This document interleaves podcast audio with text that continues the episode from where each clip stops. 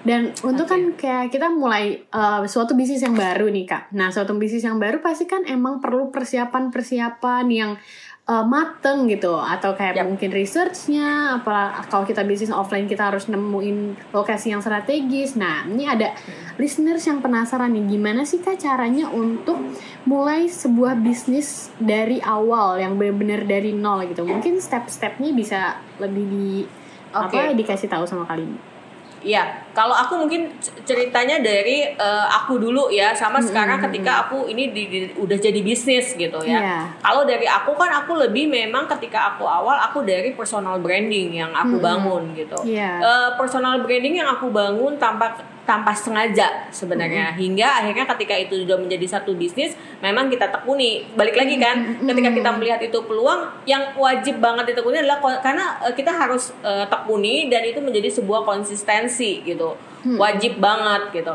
jadi uh, ketika ini aku dulu mulai aku benar-benar nggak punya niatan untuk menjadikan ini sebuah ladang bisnis hmm. aku cuman uh, cuman kepingin sharing apa yang aku uh, apa namanya punya ilmu yang aku hmm. punya gitu kan aku kepingin sharing nah dalam berjalannya waktu biar bagaimanapun kan uang itu adalah oksigennya dong yeah. kita kita buat konten kita banyak buat konten itu pasti mengeluarkan banyak uang juga kan hmm. ya jadi gimana itu kita mulai kepikiran kan gimana sih ini kita jadikan sebuah uh, usaha gitu pada saat itulah aku mulai membuat buku Okay. Ya, supaya dia uh, bisa menghasilkan gitu kan. Mm-hmm. Kita buat buku, buku satu, uh, resep kekinian dua, ke resep kekinian tiga, hingga sekarang mm-hmm. udah hampir empat buku dari mm-hmm. situ ya sampai aku ngeluarin yang terakhir kitab bisnis kuliner untuk yang kepingin belajar kuliner dari nol, stepan-stepannya mm-hmm. apa itu kita buat.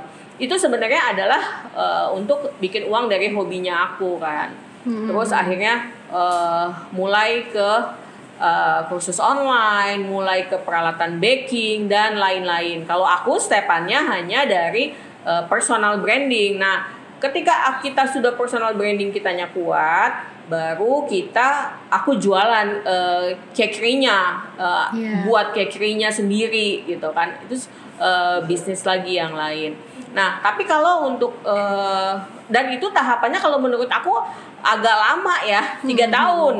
Kalau yeah. sekarang semuanya sebenarnya bisa dipangkas banget kan. Uh, oh iya ya harusnya aku nggak usah melalui aku santai-santai ngejalanin konten aku di dua tahun pertama kan. Harusnya aku udah lebih giat. Makanya kita baru bisa kasih pengalaman setelah kita ngalamin kan.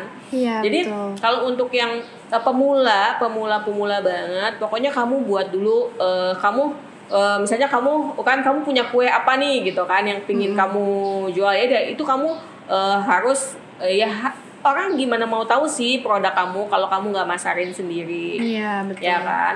Tapi di dalam berjualan pun kita banyak cara yang orang karena sekarang orang dijualin tuh agak-agak susah ya. Hmm. ya kalau disuruh jual udah males. Tetap aja ke kontennya harus ada konten yang uh, berbaginya. Gimana sih cara hmm. jual jualan atau apa?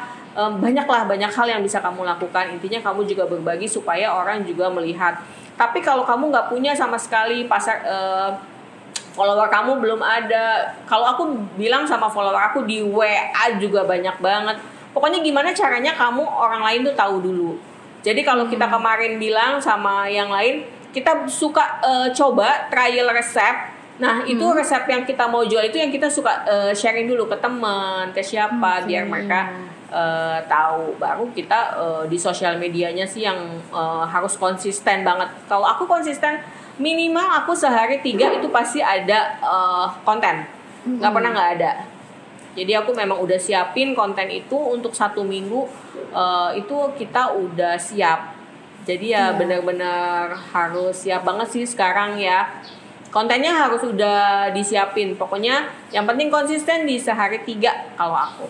Ya, karena emang sekarang sosial media loh untuk personal branding, untuk kayak ningkatin atau penjualan, untuk brand awareness emang sekarang menurut aku lagi berperan besar banget ya kak. Apalagi kita kan banget. kayak udah era yang teknologi semuanya pokoknya tuh ditunjukin lewat media sosial yang emang memberikan impact yang besar gitu menurut aku. Iya. Nah, tapi aku banyak banget yang sering banget lihat ya. Oh ya, tapi Mm-mm. mungkin beda-beda ya. Beda-beda Iya. eh, banyak lah ba- banyak eh, mashab kalau aku bilang. Mm-mm. Jadi eh, banyak banget yang udah punya kontennya bagus-bagus banget gitu. Tapi mereka jarang banget posting. Iya. Ya, kalau aku tuh yang menganut eh, mashabnya pokoknya kamu posting dulu gitu. Nanti toh Iya. kamu juga akan tahu kok gitu. Kamu akan pelajari gimana sih apalagi kalau kamu udah punya skill, kamu Hmm. bagus gitu. Kamu bisa mengatur konten kamu sebagus mungkin sedemikian eh, rapihnya. Tapi kalau Iya. kalau buat aku sendiri eh, apa namanya kalau punya konten bagus tapi kita baru posting maksudnya seminggu sekali atau sebulan sekali aku better Hmm. postingan kamu biasa-biasa tapi kamu sehari tiap hari kamu punya tiga postingan yang kamu eh, share setiap hari itu eh, lebih naikin lagi ya oh, terus Hmm. kamu juga bisa belajar gimana cara naikin engagement segala Iya, betul. Eh, gimana kamu deket sama kalau aku gin, menganggap follower aku adalah diriku sendiri gitu Hmm. jadi kadang-kadang ada percakapan-percakapan yang aku eh, aku senengnya ngeliat ini tuh apa sih gitu yang yang membuat orang sama kita tuh eh, bukan soal tentang membe- memberi membeli barang tapi eh, tentang kamu dan aku gitu jadi Iya. gitu sih untuk Hmm. lebih ningkatin engagement sama si konsumennya sendiri ini ya karena emang kalau misalkan aku secara uh, dari sudut pandang audiens itu emang seneng gitu kalau misalkan diajak atau kayak diedukasi dan dapat edukasi yang kayak gratis Ya. dari sosial media itu kan Mm-mm. sangat menguntungkan untuk audiens gitu apalagi ya kayak misalkan aku eh, kayak beberapa audi aku suka sesuatu brand dan brand tersebut ngasih edukasi dengan kayak menurut aku dengan cuma-cuma gratis lewat sosial medianya Hmm. pasti aku bakal Hmm. lebih kayak lebih suka lagi gitu ningkatin Lebih suka engagement. lagi, iya mm-mm.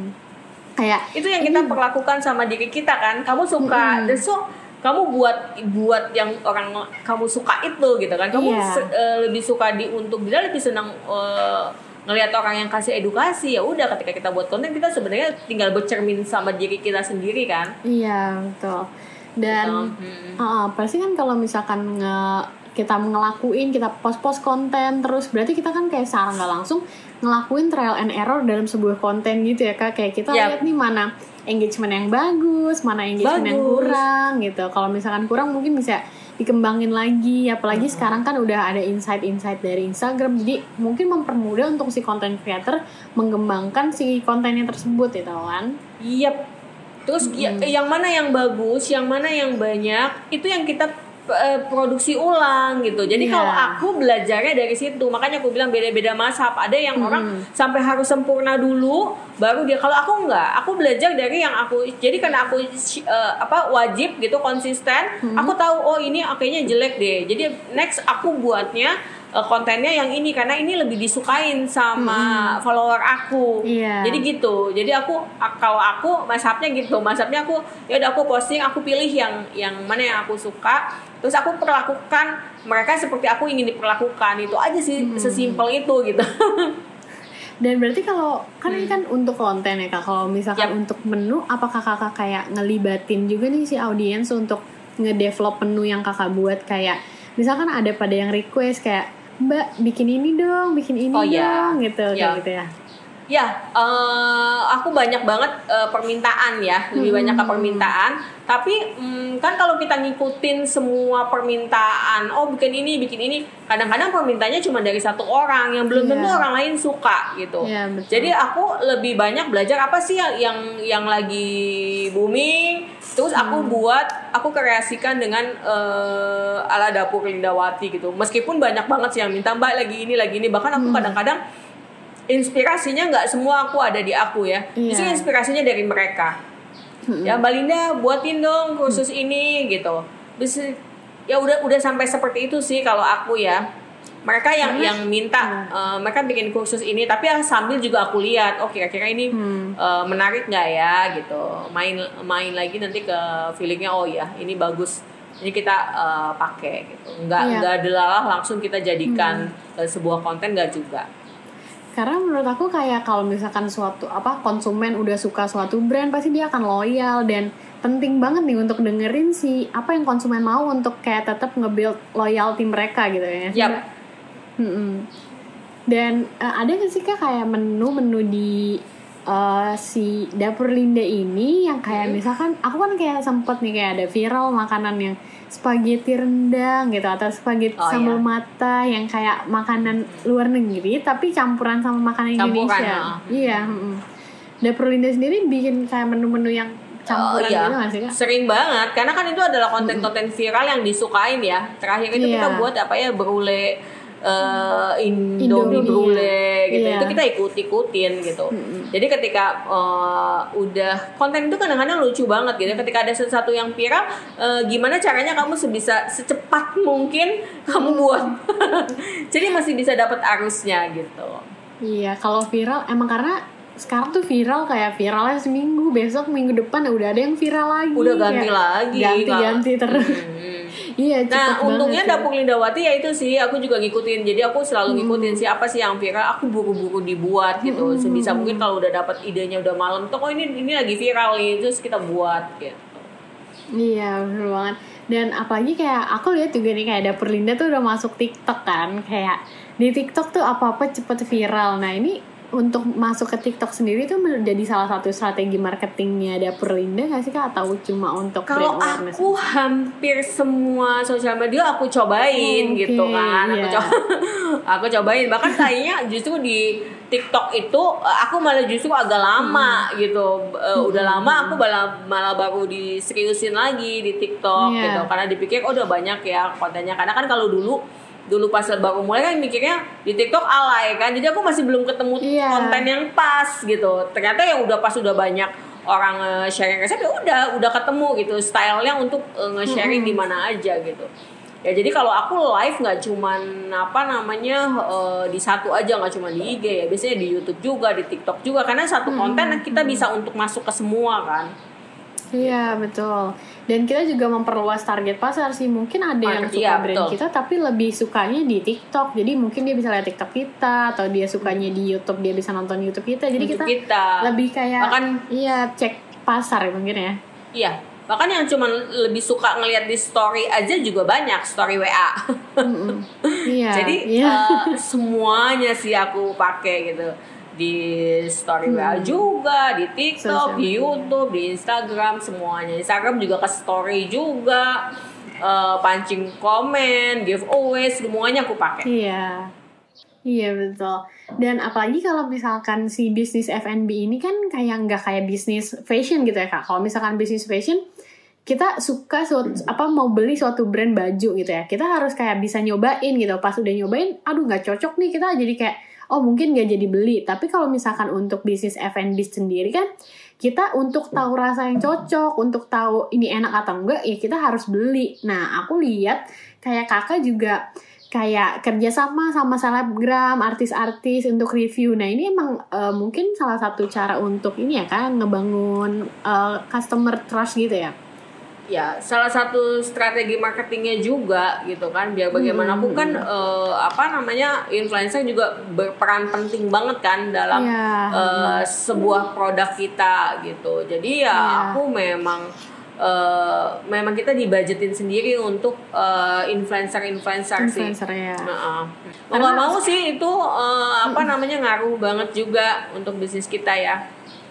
Iya, apalagi sekarang menurut aku marketing dengan influencer emang lagi naik-naiknya dan influencer juga ada beberapa yang kalau misalkan dia emang ranahnya ke apa ke untuk ke makanan pasti mereka akan lebih nggak influence audiensnya dan bawa si audiensnya ke uh, Instagramnya si dapur Linda ini gitu ya. Iya.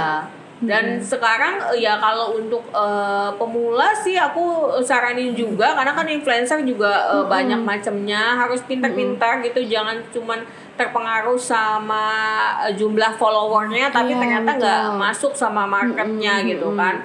Eh, kalau aku sih lebih lebih eh, banyak juga micro influencer yang memang mereka eh, concernnya misalnya di makanan ca- eh, jenis makanan yang cocok sama influencernya juga wajib banget diperhatiin Iya, ya. Mm-mm. ada ada influencer yang eh, dia cocoknya untuk makanan pedas. Ada influencer yang dia cocoknya untuk makanan apa namanya eh, dessert. Itu jenis-jenis influencernya juga wajib banget. Jadi Iya. supaya nggak nggak uh, buang-buang uang ya gitu. Misalnya hmm. di dilihat dulu ini dia cocoknya ke apa ya? Dia lebih cocok kalau makan uh, lebih ngilerinnya untuk makanan apa ya? Kalau hmm. aku lebih ke situ sih dilihat dulu.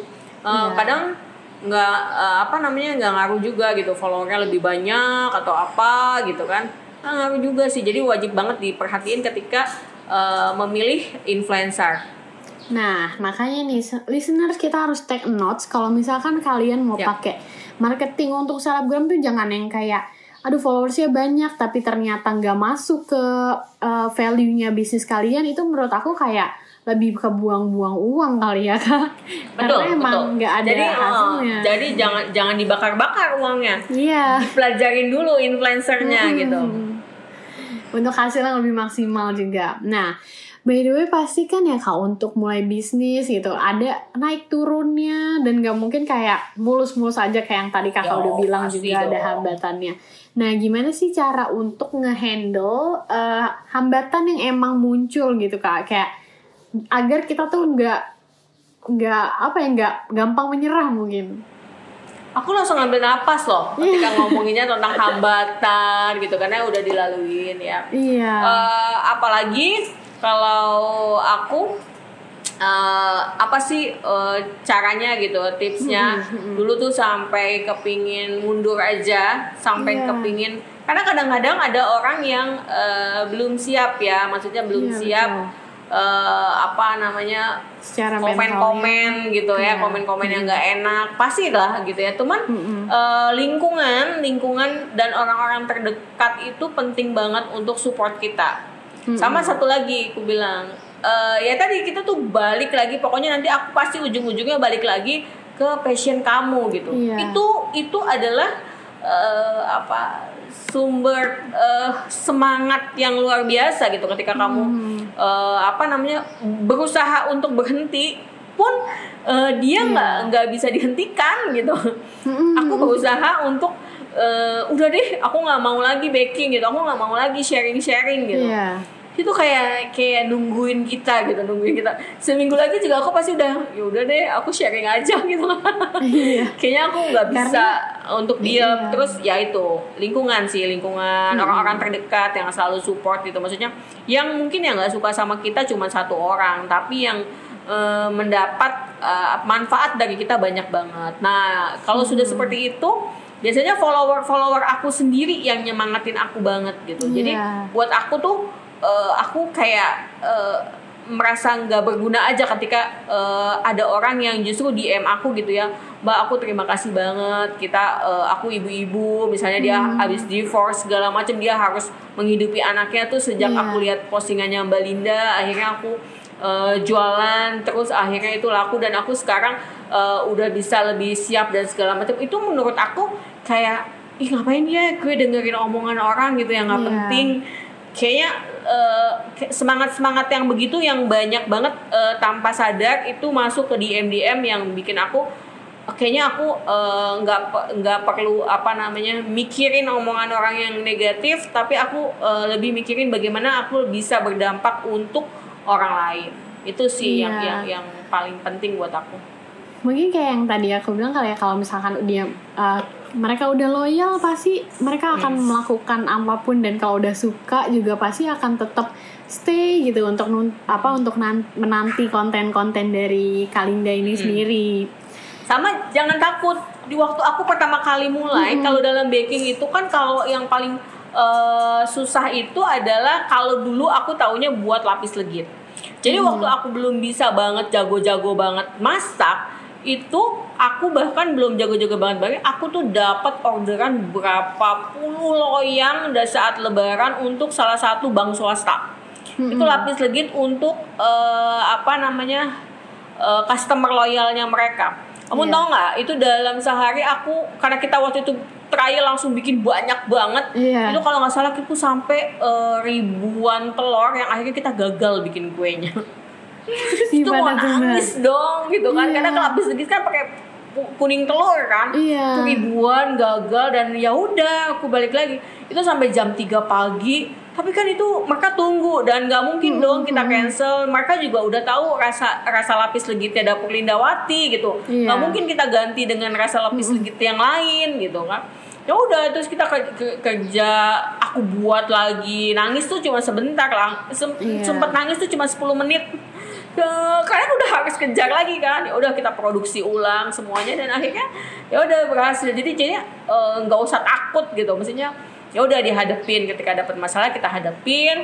Eh, justru kita jadi belajar banyak dari kesalahan itu. Iya. akhirnya malah justru orderan-orderan lapis legitnya sesudah itu eh, berjalan dengan lancar. Karena kita udah tahu stepannya apa yang harus kita Iya, lakukan betul. apa yang harus kita jalanin. Terus eh, opsi terburuknya juga seperti apa kita udah udah bisa eh, pasang badan istilahnya Iya, karena Gitu. kan mungkin dengan pengalaman itu yang lebih Yap. mengajari kita gitu kayak kalau hal. misalkan kita udah udah ketemu sama kesalahan di masa lalu, justru membantu kita untuk kayak ah ini udah pernah di masa lalu, jadi kita tahu gimana problem solving yang harus kita Hmm. lakuin gitu ya kayak. Mm-mm, yap Mm-mm. Iya. By the way, kita dari tadi ngobrol-ngobrol udah lama banget Eh, dan ini the end of our talk. dan kita juga tahu kalau misalkan ternyata mulai bisnis emang untuk F&B itu cukup tricky dan kita juga harus kayak banyak belajar, banyak eh, nyoba-nyoba kayak yang tadi dibilang dan dengan bisnis yang kita punya atau potensi yang kita punya nggak cuma jangan kita diemin aja nih. Kayak kita tuh perlu sharing di sosial media kita manage sosial medianya kita eh, cari audiensnya setelah kita punya audiens kita engage audiensnya dan agar mereka juga merasa kayak nyaman jadi followers kita dan akhirnya mereka loyal ke kita gitu ya kak Ya. nah mungkin betul kakak betul banget. Kakak bisa nih kasih kayak motivation quotes untuk para audiens yang lagi baru mulai bisnis biar lebih semangat lagi ngembangin bisnisnya. Nah, oke. Nah, buat kamu yang baru mau eh, mulai, pokoknya kamu pilih dulu salah satu hobi ya atau passion kamu gitu ya. Terus jadi ahli di bidangnya, komunikasikan, cara mengkomunikasinya kamu bisa sharing apa yang kamu bisa, ilmu yang kamu dapat eh, dan mereka juga bisa mendapatkan manfaat dari kamu. Dengan itu semua uangnya nanti datang sendiri. Pokoknya jangan Nah. nyerah, tetap semangat. Nah gitu tuh kita Gitu. emang harus kayak nemu value kita ya yang penting Mm-mm. dan kita Mm-mm. juga bisa gimana caranya eh, nge-engage audiens sih yang lebih pentingnya lagi ya kak karena kalau mereka udah loyal udah kebantu banget semua semuanya. Jadi nggak perlu takut kamu nggak eh, nggak perlu jadi ahli dulu gitu ya. Mm. Kamu dari belum apa-apa tapi kamu belajar untuk menjadi ahli. Jadi kamu bisa memberikan sesuatu yang bermanfaat untuk orang lain. Gitu nah, sih. betul tuh. Take notes lagi tuh ya sama Hmm. listeners. Nah, makasih banget Kak Linda udah nyempetin waktu, udah mau sharing-sharing sama kita tentang pengalaman yang pasti ini banyak banget pelajaran yang bisa kita ambil dan ngebantu banget uh, listeners atau aku sendiri kalau misalkan aku mau mulai bisnis. Jadi aku udah tahu nih kayak step-stepnya yang tadi Kak Linda bilang. Mm-mm. Sama-sama ya Dinda semuanya senang banget bisa eh, bergabung. Iya, dan untuk listeners, kalian bisa banget nih untuk kalau kalian mau nanya-nanya atau kalian mau cerita tentang kegelisahan di dunia perbisnisan atau kalian butuh saran yang dari orang yang berpengalaman, nah kalian bisa banget DM aja langsung ke Latih ID dan atau kalian isi sesi Q&A dari Latih ID di story. Nah, terus pantengin sosial media dan stay tune untuk episode-episode selanjutnya. Jangan lupa follow Latih ID Speaking di Spotify dan jangan lupa like, comment, and subscribe di YouTube Latih ID. Bye-bye!